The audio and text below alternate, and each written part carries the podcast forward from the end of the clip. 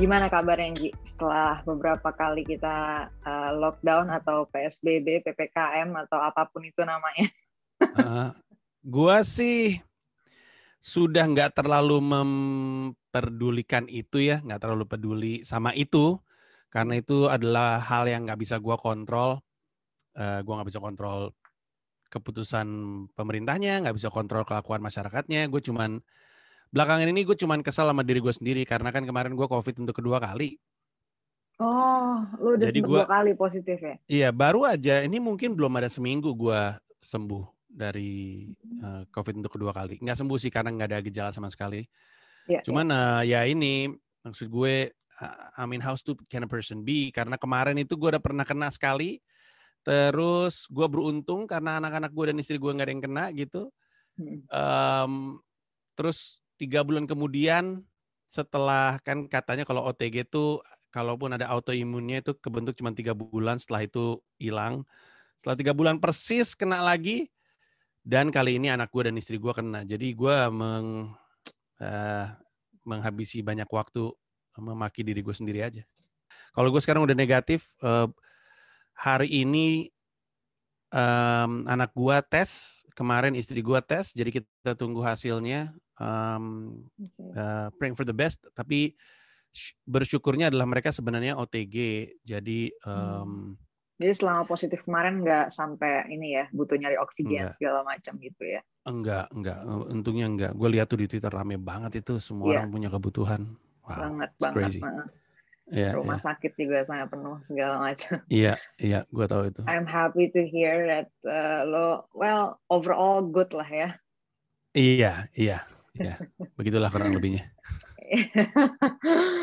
gue sih pengen tahu nih kan selama selama pandemi ini lo punya pandangan nggak tentang ini? Kayak apa yang lo apa ya? Mungkin keresahan atau mungkin uh, opini lo secara umum terhadap uh, ya gimana kita menghadapi ini gitu selama hampir dua tahun ini?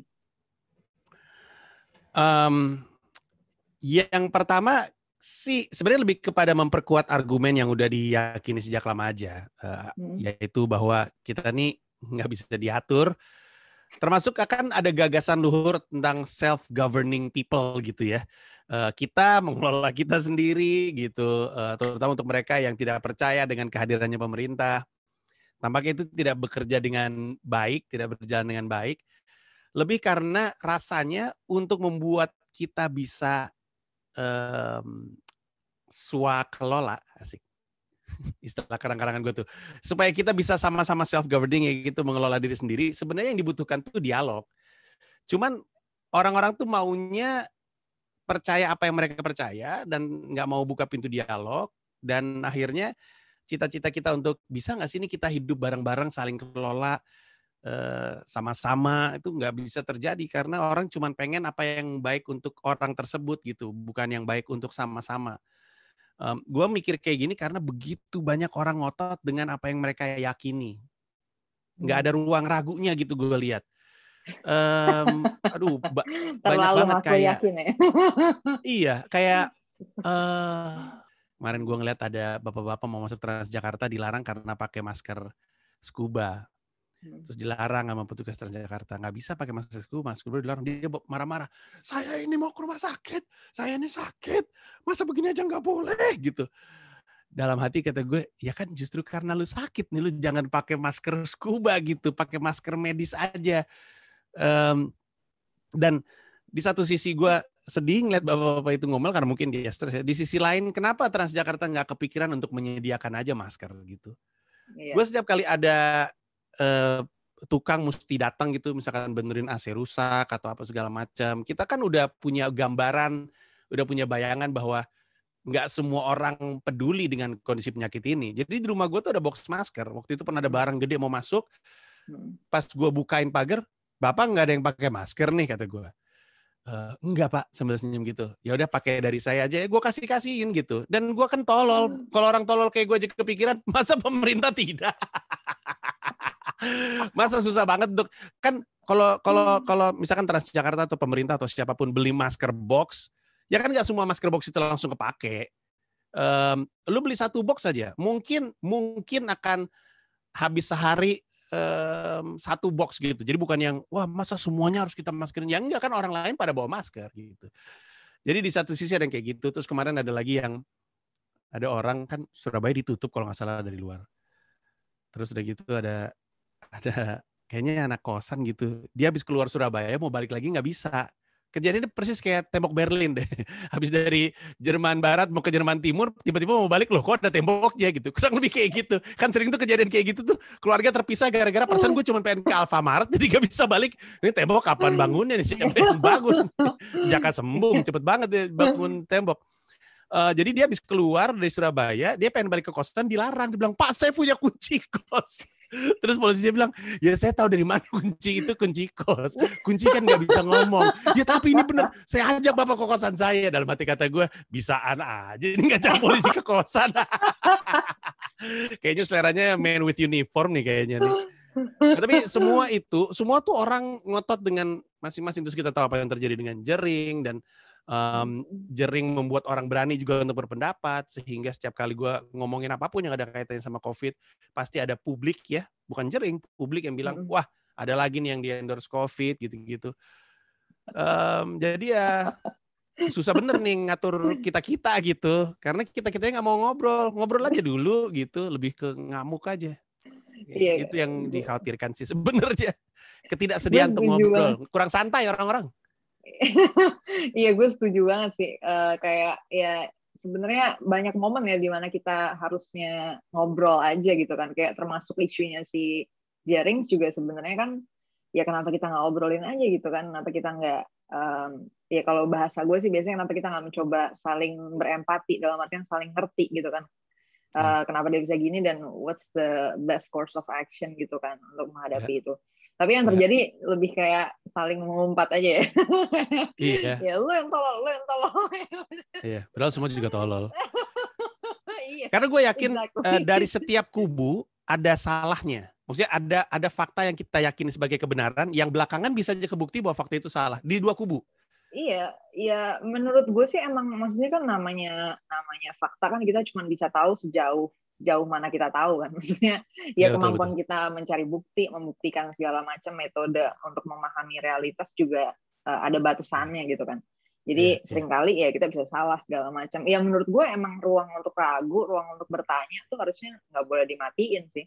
Ya, tapi dan menurut gua menurut gue nggak ada menurut gue ya kan kita ngomongin ya ah ya fakta mah kebenarannya kan sejauh yang kita tahu gitu mungkin ya. di masa depan berubah gitu tapi gue ya. percaya nih kan ya nih seandainya kita punya mesin waktu argumennya tetap nggak berhenti jadi misalkan kita percaya fakta A gitu ya.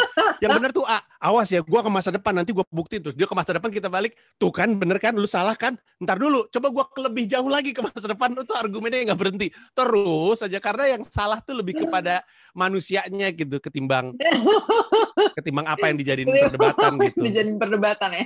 iya, makanya jangan bikin mesin waktu. Berantemnya makin eh, makin kompleks. Coba gue kembali ke masa lalu ya kita lihat ya waktu itu Firaun diomonginnya apa ya. Awas lu ntar kalau salah lu balik ke masa lalu. Tuh kan Firaun nggak digitu-gituin banget nah gitu. Nggak ada kelar-kelarnya tuh. iya, tapi dalam kondisi urgent juga kali ya jadinya orang-orang harus uh, harus convincing gitu maksudnya gue juga ngeliat maksudnya kadang-kadang gue juga berusaha ngerti juga ya kayak misalnya uh, ya kan ada orang-orang yang ngotot banget nih udah pokoknya harus harus uh, pakai masker harus jaga jarak harus di rumah segala macam lah gitu kan. Ya walaupun mungkin aja kita uh, salah walaupun kalau untuk masker mungkin udah cukup inilah ya udah cukup solid ya. Cuman misalnya uh, apa namanya nggak boleh keluar uh, di outdoor juga harus pakai masker misalnya. Itu kan sebenarnya beberapa perdebatan terjadi lah ya tentang itu ya. Maksudnya hmm. ya masih bisa hmm. diperdebatkan segala macam cuman uh, gue ngeliat karena kondisinya urgent kita menghadapi uh, virus mematikan gitu kan ya jadi yeah. gue bisa ngerti juga kalau ada orang yang ya udahlah doktrin aja gitu kan udah pokoknya yeah. lo harus pakai ini pakai ini pakai ini udah that's it gitu yeah. uh, ya karena kita udah urgent gitu kan udah emergency karena ya, juga gue rasa stres dari ini ya maksudnya yang dihadapin sama orang-orangnya yeah. juga ya dari yeah. dari semua sisi ya dari semua yeah. kubu dan Semuanya semua stress. level semua yeah. sama-sama stres Well, uh, speaking of stress, berarti lo sendiri selama pandemi ini mengalami peningkatan stres nggak sih? yang dibandingin sebelum pandemi? Atau lo termasuk yang bisa ya chill gitu? Kalau urusan kerjaan, sih gue relatif chill ya kan tur gue juga diundur lagi dari 2020 ke 21, 21 ke 2022 ya udahlah. Kalau rencana berantakan mah rapihin aja. Gue nggak bisa keluar rumah juga gue relatif chill karena setidaknya gue di rumah. Waktu gue pertama kali kena COVID tuh kan gue di hotel rujukan pemerintah. Dan um, walaupun tentu pemerintah mencoba untuk melakukan yang terbaik, tapi bisa kita asumsikan pemerintah lagi coba untuk memberi layanan ini ke entah begitu banyak orang. Um, jadi ya tetap seadanya gitu dikasih semuanya kan gratis kan waktu gue 10 hari di hotel rujukan tuh hmm. makanannya gratis nginepnya gratis hmm. vitaminnya gratis layanan dokternya gratis. Tapi kan dengan gratis berarti kan ada seadanya. Jadi ya. agak sedih juga dapat nasi kotak pas dibuka. Isinya nasi sama tempe orek lima baris kata gue kayak Backstreet Boys nih berlima doang. Cuman satu dua tiga empat lima tempe orek. Segini segini kata gue wow. Tell me why banget nih kayaknya nih jadi uh, di situ mungkin lebih lebih itu itu per waktu itu gue nggak terlalu stres sih nah yang lebih stres itu adalah yaitu gue menghakimi diri sendiri karena apa yang terjadi sama keluarga gue gitu. Tapi beruntung I have outlets. Gue kalau stres kadang-kadang suka bikin karya aneh-aneh. Jadi kemarin gue melahirkan um, ada kayak konten baru namanya saya merasa Herman. Terus uh, gue lebih aktif bikin podcast gitu. Jadi uh, emang gue tipenya kayak gitu kalau stres. Oh, jadi itu berarti kuncinya ya Panji semakin kreatif. Karena kemarin pas gue buka Q&A box di Instagram banyak yang suruh gue nanya ke lo, uh, Panji kenapa bisa punya ide terus sih selama pandemi ini gue lihat dia udah keluar macem-macem konten ternyata karena stres gitu. Iya stres. Gue sebenarnya hampir semua hampir semua yang gue kerjakan yang pada akhirnya dinikmati orang itu tuh sebenarnya cara gue mencari hiburan diri sendiri. Um, si saya merasa Herman yang gue ngomong sama boneka itu tuh gue niatnya udah dari lama, cuman bonekanya duduk doang selama dua tahunan gitu. Terus karena gue nggak tahu mau ngapain, terus gue kesel sama diri gue sendiri, gue ambil aja boneka itu, terus gue ngomong sama diri gue sendiri. Gue ketawa-ketawa, gue pikir gue rekam ah gitu. Itulah kenapa kalau kalau siapa pun yang nonton ini merhatiin, coba cari di Instagram hashtag saya merasa Herman. Episode pertama itu nggak pakai mikrofon, sisanya gue pakai clip on. Karena yang pertama itu benar-benar gue pengen nyoba aja gitu. Um, dan dan semuanya saya merasa Herman itu tidak ada yang di script. Jadi benar-benar keluar dari kepala aja. Eh, saya merasa Herman tuh datangnya dari stres gue dulu pernah bikin sesuatu namanya Lila Show live IG setiap malam jam 9 itu juga karena gue lagi nyari ketawa aja. Terus tiba-tiba itu lucu terus pick up. Bahkan waktu gue stand up untuk pertama kali seumur hidup tahun 2010 itu juga karena gue waktu itu yang lagi ramai soalnya ini. Siapa namanya tuh? Susno Duaji gue kesel ngeliat Susno Haji mulu di TV uh, eh, dan agak kesel ngeliat apa namanya kan waktu itu kan dia disumpah ya uh, waktu itu soal cicak buaya gue kesel ngeliat klip sumpahnya itu muncul terus capek banget akhirnya gue tuangkan keresahan itu jadi hampir setiap kali gue stres dan kesel emang buntutnya jadi sesuatu yang dinikmati bareng-bareng. Tapi mohon yang nonton jangan kemudian mendoakan saya stres terus ya. Tolong dibantu. Saya kan pengen hidup panjang. Mana sih Anda, anda ini? Tapi gue denger-dengar emang komedian tuh katanya butuh itu ya, butuh kesetresan untuk menemukan inspirasi. Karena kan lo butuh premis yang lu masalah ini gak sih? Maksudnya ya, kalau nggak ada sih, yang bikin Iya, rata-rata rebellious aja. Oh? Bener-bener, gitu. iya ada sesuatu, ah enggak ah gitu. Ada sesuatu, ah itu brengsek gitu. Emang secara umum-umum tuh komedian tuh kayak gitu.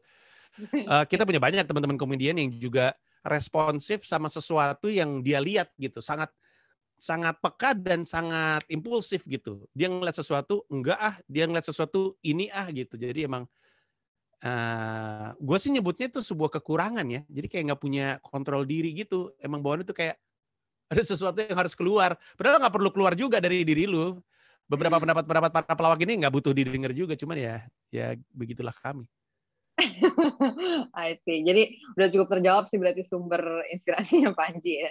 Yeah, selain stress. selain stres ada lagi ya sumber, sumber inspirasi, inspirasi gue. Hmm.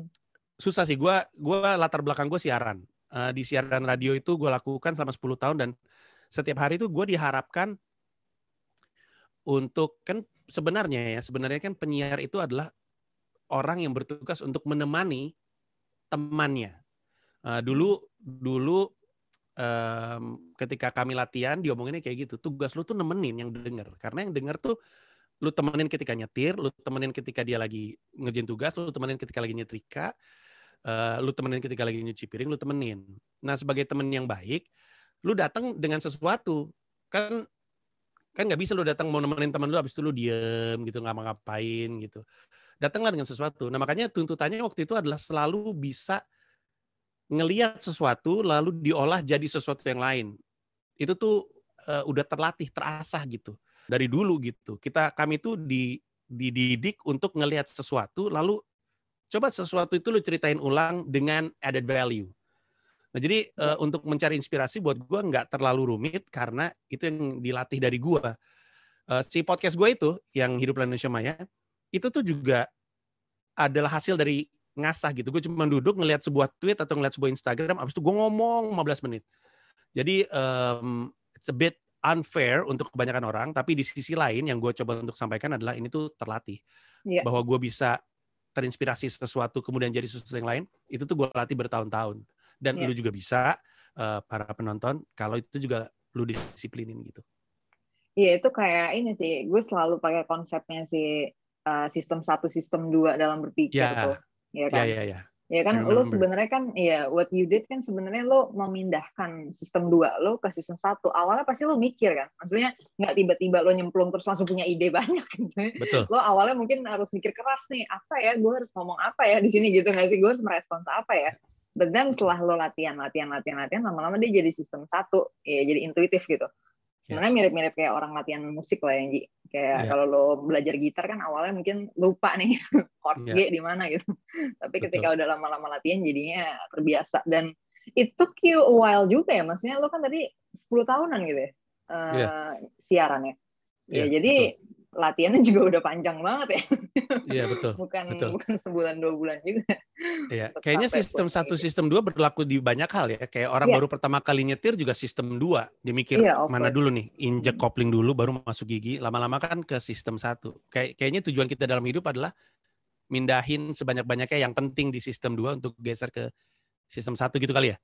Iya, yang penting dan benar sih. Kalau gue biasanya ya, uh, memastikan yang kedua juga. kan lo tau kan ada ada istilah uh, jangan apa namanya jangan biasain yang salah gitu kan. Iya betul. Ya karena ya. karena uh, orang juga kadang itu membangun kebiasaan di sistem dua tapi salah terus akhirnya lama-lama jadi sistem satu. nah, iya benar. Nah, ya. Terus uh, caranya kita tahu benar? Uh, iya kalau kalau misalnya untuk ranah fakta sih kalau gue bakal ngikutin uh, bagaimana ininya aja ya, maksudnya pembuktian di realitasnya gimana gitu.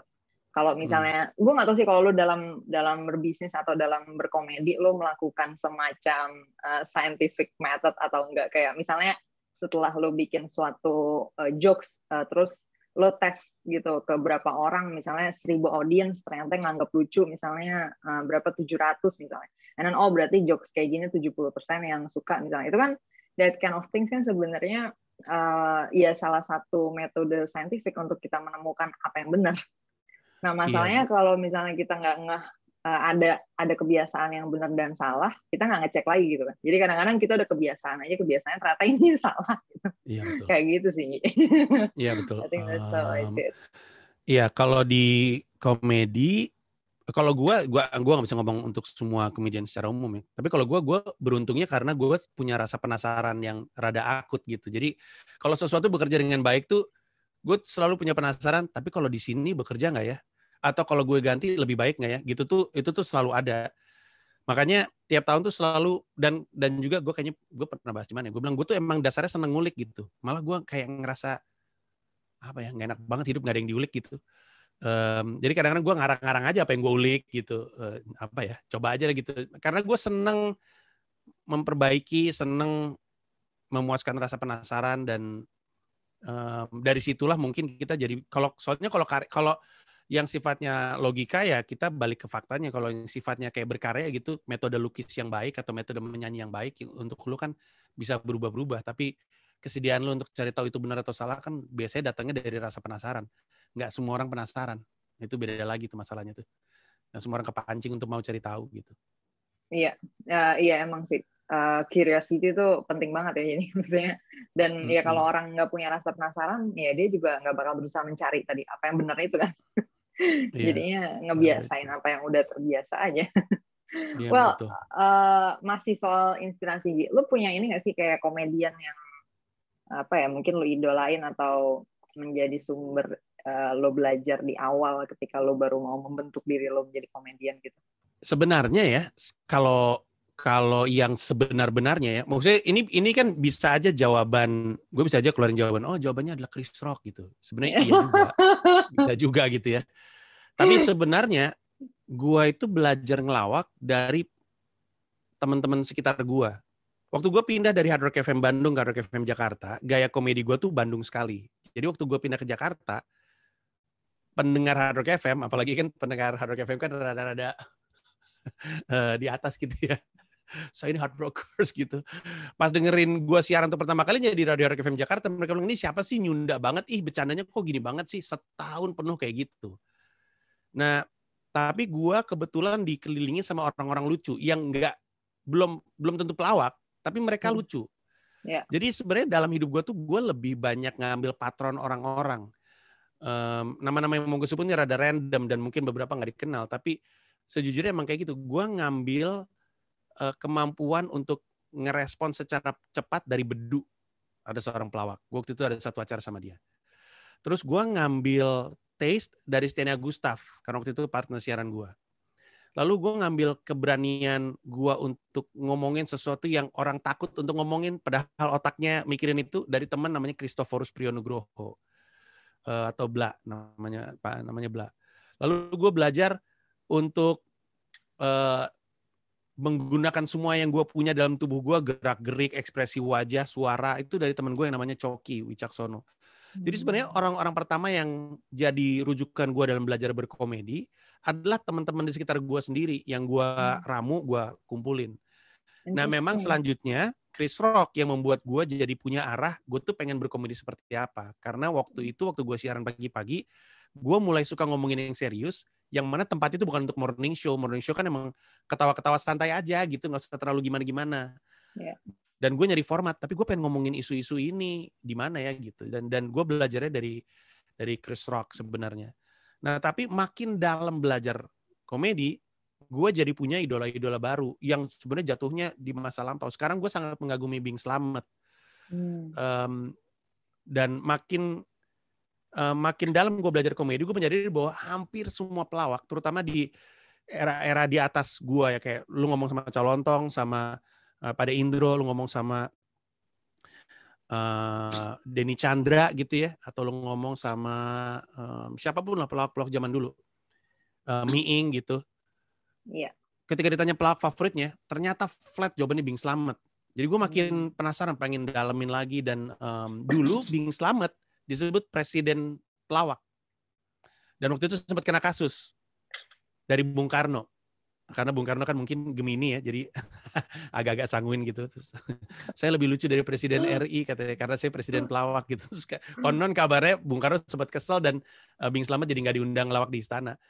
Uh, tapi um, iya, uh, si Bing Slamet itu dikagumi sama banyak orang karena dia ngelawak sendiri bisa, ngelawak grup bisa, pelawak pertama yang ngonsep pakai skrip adalah uh, Los Locos, grupnya Bing Slamet sebelum dibongkar juga sama pemerintah karena bukan dibongkar ya, nggak dikasih izin untuk manggung sama pemerintah karena mulai ngeritik-ngeritik, akhirnya uh, berubah grup uh, jadi yang lebih light gitu. Um, terus uh, gue senang sekali dengar cerita bahwa dulu pada zaman perjuangan tuh Bing Slamet kerjanya manggung dari satu camp ke camp lain gitu untuk menghibur tentara kayak zamannya dulu Bob Hope sekarang sih di Amerika itu udah kayak kultur ya. Eh, pelawak eh, manggung di sebuah barak tentara itu udah kayak kebiasaan. Tapi zaman dulu Bob Hope tuh kayak gitu. Manggung satu tempat tempat lain ngibur tentara terus uh, Bing Selamat kayak gitu dulu. Uh, beliau juga nyanyi juga, suara bagus banget. Beliau juga siaran radio juga. Um, jadi orang-orang itu yang tadi gue sebut itu adalah uh, patron gue dalam dalam berkomedi. Gue tuh pengen banget deh kapan-kapan berharap uh, tapi setiap kali gue sebut orang selalu ngerasa aneh. Tapi gue selalu selalu banget eh, selalu pengen banget uh, uh, mata uang tuh suatu hari bukan cuma pahlawan nasional gitu, tapi mata uang ada Bing Selamat gitu. Kayaknya menurut gue iya kayaknya. Kayaknya kalau Benyamin bisa jadi nama jalan, Bing Slamet jadi patung kayaknya nggak terlalu far fetch deh sebenarnya kalau dipikir-pikir ya. Jadi uh, kayaknya mau gue seriusin. Dia, dia kayak king of comedy gitu ya. iya iya king of comedy. iya kurang lebihnya. Dari dari uh, komedian-komedian yang sumber inspirasi lo tadi tuh uh, kalau misalnya lo diminta kayak uh, men menyebutkan lesson learn-nya atau key principles gitu, prinsip-prinsip utama yang lo tangkap dari mereka yang akhirnya lo jadiin semacam formula buat lo sendiri itu apa sih? Semuanya pasti menyinggung. beneran deh nih, beneran. Eh, rakyat tuh suka soto dia bilang lawaknya kayak warkop dong dan nggak menyinggung atau lawaknya kayak calontong dong nggak menyinggung gitu. Lawaknya kayak pelawak zaman dulu Sri Mulat dong nggak menyinggung. Nggak semuanya menyinggung. Dan karena gue mempelajari mereka dari dulu uh, sampai dengan sekarang, gue tahu bahwa semuanya tuh um, akan menyinggung dan yang gue pelajari adalah itu tidak menghentikan mereka untuk mau ngomong apa yang mereka mau omongin.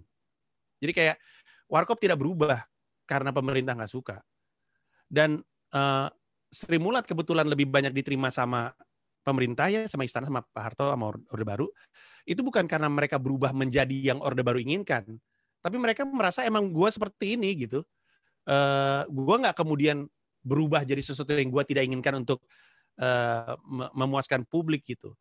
Uh, dan Bing selama juga seperti itu um, dan masih banyak lagi. Jadi uh, yang gue pelajari dari situ adalah gue tidak seharusnya menyensor diri sendiri dalam rangka mempertimbangkan perasaan publik. Uh, hmm. Sebagai pelawak tugas kita ngelawak dan um, sekarang terutama karena teknologi udah maju dan kita punya manajemen dan segala macam tanggung jawab kita adalah mencari publik yang merasa kita lucu dan nggak nabrak panggungnya uh, nggak nabrak panggung itu artinya kalau lu tahu panggungnya kayak gitu ya lu jangan lu tabrak lu ngikutin panggungnya paling lu nyesuaiin aja lu mau ikut atau enggak di panggung itu kalau lu mau masuk panggung itu ya udah ikutin ikutin aturan panggung itu. Tapi nggak ada yang maksa lu untuk harus. Kalau lu nggak mau ya udah nggak usah nggak apa-apa. Ya udah gitu. Iya. I totally agree. Dan itu yang itu pandangan gue juga sebenarnya stance gue lah jelas ya. Ya hmm. harusnya ya kan kita kan sebenarnya sekarang ini jelas sudah punya kebebasan lah ya untuk memilih mau mengkonsumsi uh, mau yeah. mengkonsumsi ya konten yang seperti apa atau komedi yang seperti apa gitu kan. Yeah. Jadi menurut gue ya harusnya ya orang bisa memilih aja ya dan komedian harusnya tetap bisa jalan dengan kebebasan untuk yeah. berekspresi yang mereka Semoga. punya. Ini kan wishful termasuk, thinking ya. Lo termasuk komedian yang gue bisa nikmatin sih jokesnya Ji. jujur, sekarang, jujur aja sekarang. Rada, Nah sekarang maksudnya gimana tuh? ya kan gue gak tahu, siapa tahu selera gue berubah gitu, tiba-tiba gue jadi bitter, jadi makin gak enak dinikmati gitu atau gimana? Kan kita gak tahu ya. Karena Tapi ya. So sih gue bisa menikmati. Gimana gimana Ini ada sesuatu yang gue sebenarnya sangat khawatirkan. Ya. Kita tuh uh, kita tuh sering banget ngelihat seniman-seniman ya orang-orang yang berkarya, mereka bisa dominan di sebuah dekade, lalu nggak relevan di dekade berikutnya. I don't know what happened. Karena isi kepala mereka pasti sama. Sebenarnya kalau kita pikir-pikir ya, isi kepala mereka sama, skill mereka sama, sense mereka sama. Apakah mereka kemudian jauh dari publik? Tapi kan in terms of marketing, ya berarti lo harus nemu ceruk lu di mana. Kalau misalkan zeitgeistnya pada zaman dekade berikutnya itu nggak nggak sama sama lu, kan bukan berarti lu berhenti berkesenian. Lu bisa nyari ceruk lu sendiri. Nah, tapi dalam hidup banyak banget kayak gitu kita bisa sebut nama, tapi seperti yang kita tahu akan menyinggung masyarakat beberapa nama. Tapi ada nama-nama yang begitu dominan dalam satu dekade, lalu nggak dominan di dekade berikutnya. Dan itu bukan cuma di dunia musik, di lawak juga ada yang kayak gitu. Kalau dugaan gue sih uh, opsi ya sih, Nji? maksudnya keberadaan opsi lainnya yang kemudian ternyata lebih kompetitif dari dia gitu. Kayak hmm. maksudnya kan gue melihat nih soalnya hampir uh, ya kalau dari yang gue tahu ya, of course mungkin aja ada kasus yang gue nggak tahu. Tapi dari hmm. kasus-kasus yang gue tahu tuh biasanya yang baru yang kemudian take over the market tuh selalu baru emang. Maksudnya itu belum ada opsi itu sebelumnya gitu. Dan that's yeah. uh, included di dalam musik juga by the way. Ya, yeah, kalau misalnya lo melihat yang gede-gede ya, kayak iya. Beatles yeah. misalnya atau Queen gitu-gitu, kan mereka tuh muncul dengan sesuatu yang ini this is totally new gitu. ini nggak ada yeah. di market iya. atau nggak yeah. ada yang udah gede gitu. Jadi kayak orang-orang nggak nggak tahu opsi itu gitu. Iya, ya. Memang memang kalau karena gue tadi menggunakan istilah dominate the market, memang mungkin susah ya. Uh, misalkan ada, gue menyebut ini kita biarin penonton berasumsi aja ya. Gue menyebut ada seorang komposer slash penulis lagu slash penyanyi yang dalam satu dekade 80-an semuanya itu semua penyanyi kayaknya dia yang nulisin lagunya. Kita bisa dengar ciri-ciri karyanya dia di banyak penyanyi gitu. Lalu di dekade berikutnya dia kayak nggak ada aja sama sekali. Tentu mungkin karena trennya berubah hmm. dan itu membuat dia jadi nggak relevan. Tapi itu juga berarti dia nggak bisa ngikutin. Jadi kemampuan adaptasinya tidak terlalu. Atau mungkin emang dia nggak mau ngikutin. Jadi dia ngotot. Tapi again, kalau dia nggak mau ngikutin, itu kan bukan berarti kemudian dia berhenti berkarya. Ada benar-benar yang nggak relevan sama sekali gitu. Nah, gue gue tuh ngomong gini karena gue khawatir ada dalam satu dekade mungkin dari 2000 ini ngomong-ngomong stand up Indo tuh udah 10 tahun tuh dari 2011 sampai 2021 mungkin gue masih dinikmati banyak orang tapi gue selalu punya ketakutan itu.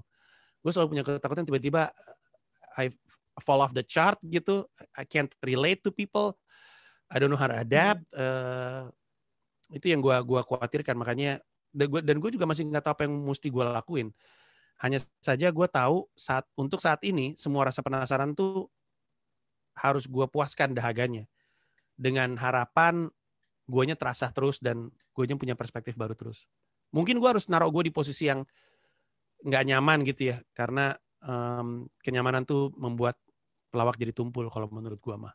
Harus gue langsung berkaca sama diri gue sendiri um, gue ini ngapain sebenarnya dari kemarin? If I'm not only selling tickets, what what have I been selling sebenarnya? What have I been offering?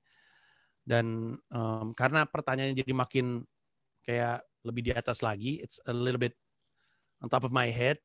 Gue masih yeah. mencoba untuk menemukan dengan benar. Banyak ragunya gue tuh. banyak ragunya. Ya jadi banyak kurang penting yakinnya sih. gitu. Hah? Menurut gue penting sih, ragu tuh penting. oh iya, iya. Ya, daripada ngotot tapi tolol ya. Bukan gue yang ngomong. gue yang ngomong netizen, gue yang ngomong. ya kan dengan ragu itu kan lo jadi pursu ini kan, saya eksperimen lagi, ngecek lagi yeah, yeah. bener atau enggak dan seterusnya. Jadi yeah. lo nggak nggak nggak nggak cepet puas lah dengan apa kesimpulan atau jawaban yang lo punya saat ini gitu. Ya, yeah. gue rasa ini uh, inspirasinya udah banyak banget nih ya yang lo share hari ini. Mungkin tiba-tiba besok udah ada kompetitor baru nih di dunia komedi. Bagus lah.